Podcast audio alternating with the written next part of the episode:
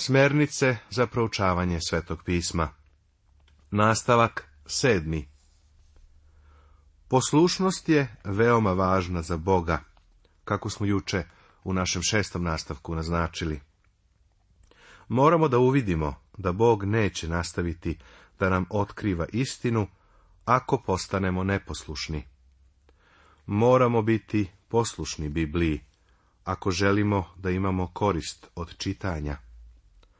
Poslušnost je važna i zato što ima ljudi koji hrišćanstvo odmeravaju po tebi i po meni. Kauvan je to dobro izrazio. Najbolji način da se evanđelja odbrani jeste da se živi dostojno evanđelju. To je način na koji dokazuješ da je ono Božja reč. Četiri sveštenika su razgovarala o prednostima različitih prevoda Biblije.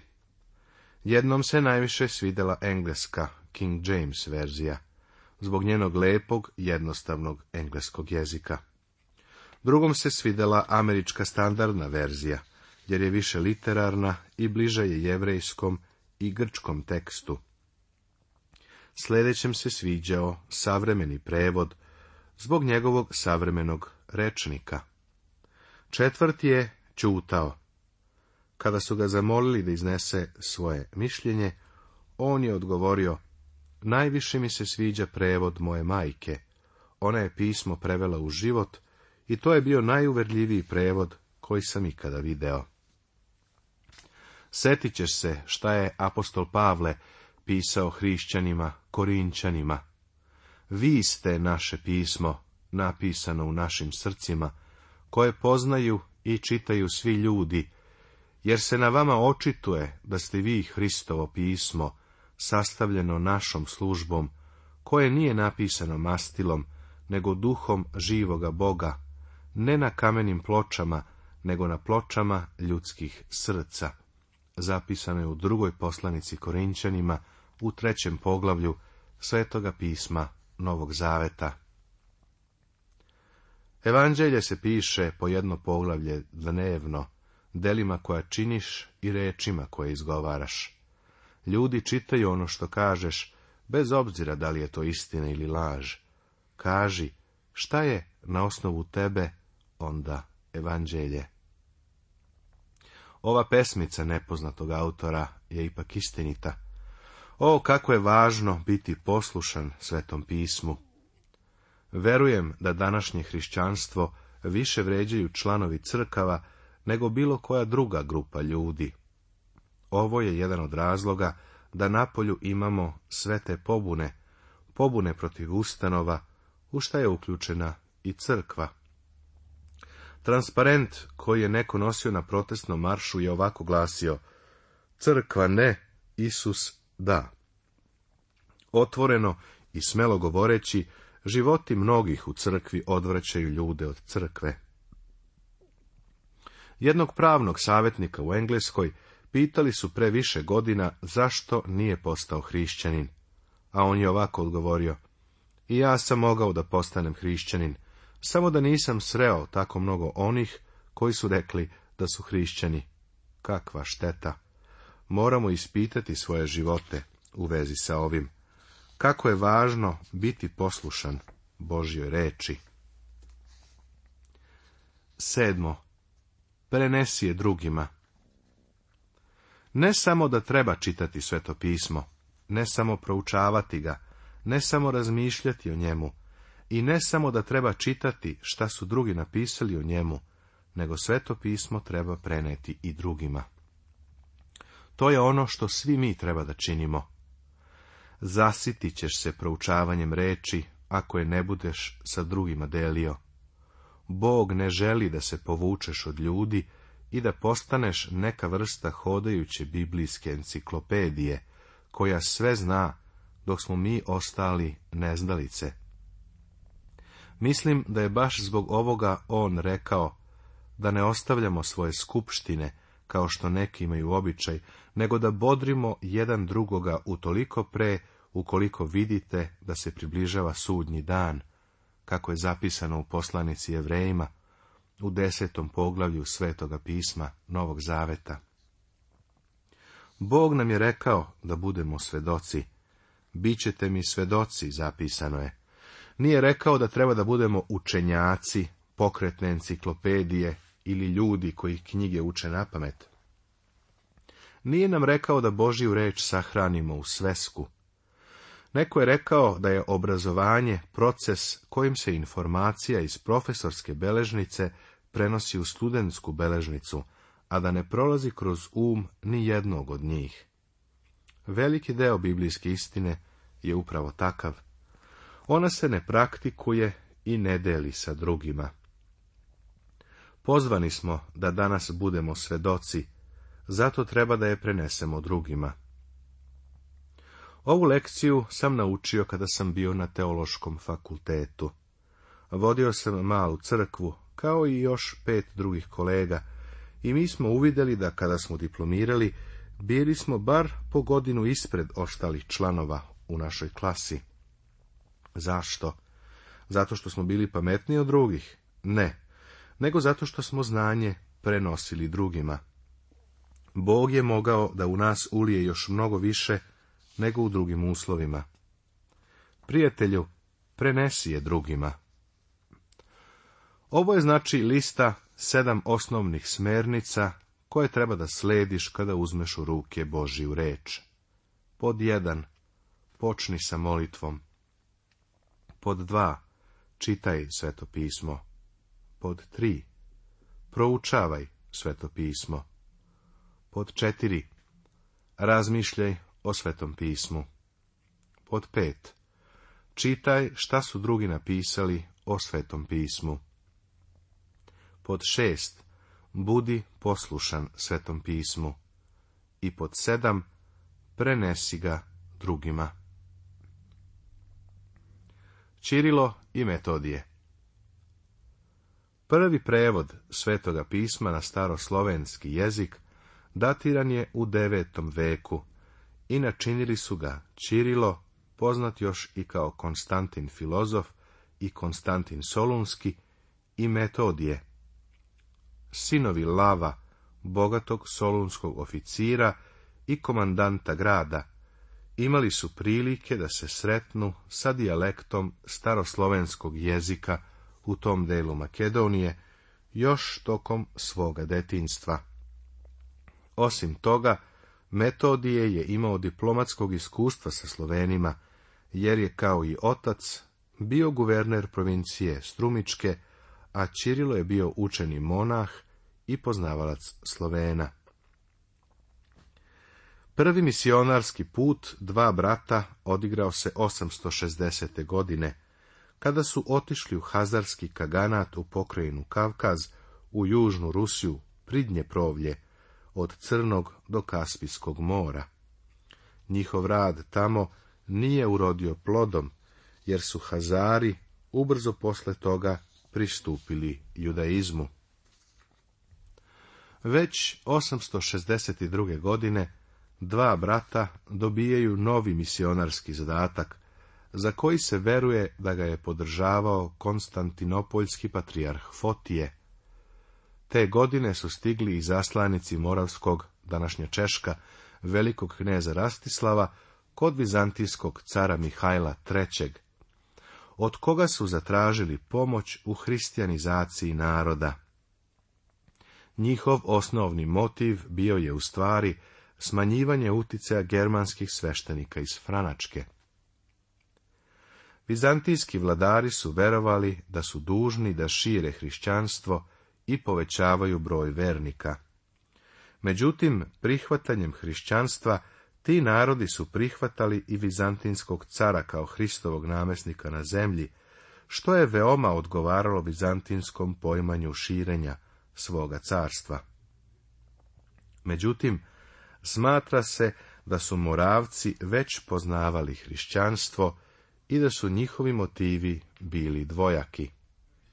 Prvo, Želeli su da nauče staroslovenski jezik i da crkvenu službu održavaju na slovenskom jeziku i drugo, pokušavali su da se odupru agresivnim Germanima i njihovom shvatanju evangelizacije vatrom i mačem. Prevođenje Novoga zaveta Čirilo je prevod Novoga zaveta započeo odmah kako bi u Moravsku otišli sa Biblijom i crkvenim službovnim knjigama na narodnom jeziku. Za jezik prevoda braća su iskoristila govorni slovenski jezik sa kojim su se upoznali još u detinjstvu. Na taj način je dijalekt makedonskih Slovena postao crkveno-slovenski jezik ili staroslovenski, koji se zadržao sve do danas u liturgiji Ruske crkve i nekih drugih pravoslavnih crkava. Ovaj događaj je od istorijskog značaja za hrišćansku crkvu. Sloveni, Poljaci, Moravci, Česi i Slovaci, Srbi, Bugari i drugi, tako su stekli posebnu privilegiju koju ni jedan narod zapadne Europe tada nije uživao, slušali su sveto pismo i službu Božiju, na jeziku koji su mogli da razumeju. U to vreme postojala su dva slovenska pisma, glagoljica i čirilica, koje je dobila ime u Čirilovu čast, jer se veruje da ju je on izmislio. Glagoljica je nestala sa srpskih prostora tokom 14. veka, a savremeni istraživači smatraju da je to pismo bilo samo prerađena verzija rukopisnog grčkog pisma sa dodatim slovenskim znacima, odnosno prilagođena verzija slovenskom glasovnom sistemu. Istraživanja pokazuju da je Čirilo zaista formirao glagoljično pismo, te su na to pismo braća prevela novozavetne i starozavetne knjige za potrebe svoje misijske službe.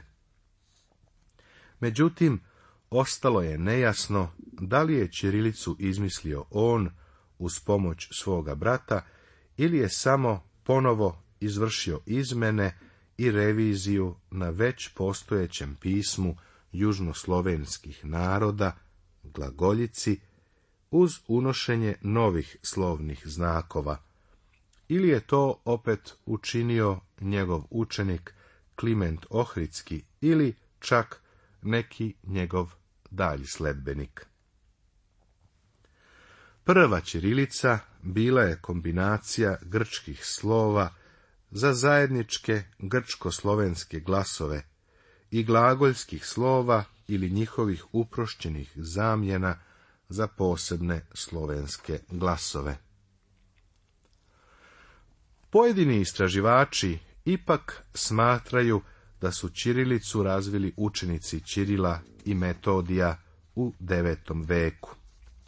U prvim sačuvanim knjigama, na primjer u Miroslavljevom evanđelju koje je nastalo krajem 12. veka, Čirilica se već pojavljuje kao zreo i razvijen sistem koji ima osobine takozvane srpske jezičke redakcije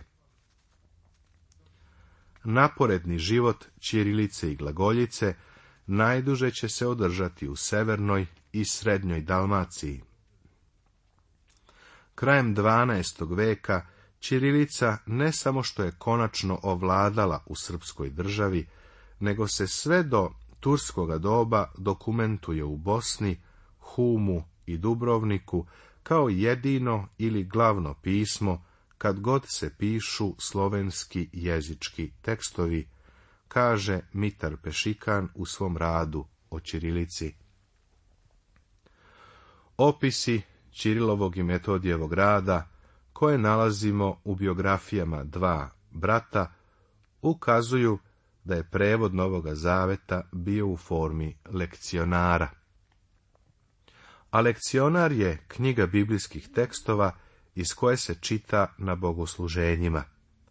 Ovaj izraz se naročito koristi za grčke rukopise Novoga Zaveta, u kojoj su evanđelja i poslanice napisane ne po redu kakav je u Svetom pismu, već u odlomcima po redu čitanja tokom crkvenih službi. Rad na prevodu je započet u Konstantinopolju, a završen je na misijskom polju, odnosno u Moravskoj, Panoniji i kasnije u Bugarskoj. Prevođenje Staroga zaveta Metodije, koga je po bratovljevoj smrti rimski papa postavio za episkopa Panonije, a kasnije za arhijepiskopa Cele Moravske i Panonije, i koga su Germani držali zatvorenog duže od godinu dana, imao je udela u prevođenju poslanica i delova Starog Zaveta. Zanimljivo je da je rimski papa Ivan VIII 873. godine pisao srpskom knezu Mutimiru i pozvao ga da se sa svojom državom potčini panonskoj episkopiji, kojom je tada rukovodio Metodije, što je ostalo bez pozitivnog odgovora. Zato se smatra da su glagoljske knjige mogle da budu donete u srpske zemlje odmah posle te godine, kada su došli i misionari, mada u manjem broju. Poznato je da su braća Čirilo i Metodije prevela skoro čitav Novi Zavet, a Metodije je sa učenicima nastavio da prevodi i do 884. godine završio stari zavet prvo u obliku parimejnika, što je to u stvari zbornik odabranih odlomaka starozavetnih knjiga, a kasnije kao pojedinačne sveske. Zna se da nije prevodio apokrifne knjige.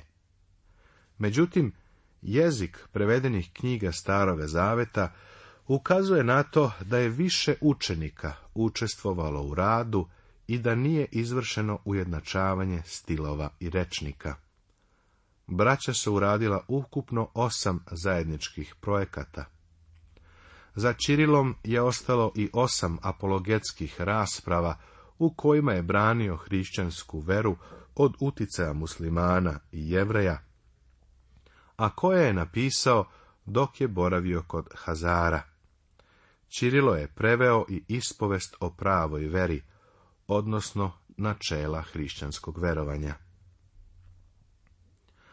U jednom grčkom manastiru na planini Liban pronađen je rukopis slovenskog evanđeoskog lekcionara iz 11. veka, delove svetog pisma na glagoljici. Veruje se da je to prepis delova prve slovenske Biblije u prevodu Čirila i Metodija. Ovaj rukopis je kasnije iskorišćen za prvu proveru prvog Novog Zaveta na srpskom jeziku. U vreme nastajanja ovih prevoda poznat je bio samo mali broj episkopija po Srbiji, više ih je bilo u Dalmaciji i Crnogorskom primorju. U Beogradu na Dunavu takozvanom episkopatusu Belogradensiusu, sedeo je 878. godine episkop Sergije, a u Braničevu 879. godine episkop Moravski Agaton. Prevodilački rad slovenskih sveštenika, potpomognut od bugarskog dvora, ubrzo je počeo snažno da utiče daleko van zemaljskih granica. Karakteristično je da je najviše očuvanih prepisa izvršeno ili u Srbiji ili u Rusiji. Metodijevi učenici Po povratku iz Moravske u Bugarsku 885. godine, Metodijevi učenici Gorazd, Naum, Sava, Angelarije i Kliment doneli su crkvene knjige i prevode. Neki od njih želeli su da pomognu ponovnu evangelizaciju Balkana sa namerom da se hrišćanstvo na ovim prostorima još više učvrsti kada se u crkvi propoveda na jeziku koji je bio blizak narodnom. To je bila namera i vizantinskoga cara, koji je južne Slovene želeo da odvoji od uticaja Rima. Srbija se nalazila na međi istoka i zapada i povremeno je dolazilo do kolebanja u vezi priklanjanja istočnoj ili zapadnoj crkvi. Međutim, ubrzo je došlo do odluke. Nastavit će se.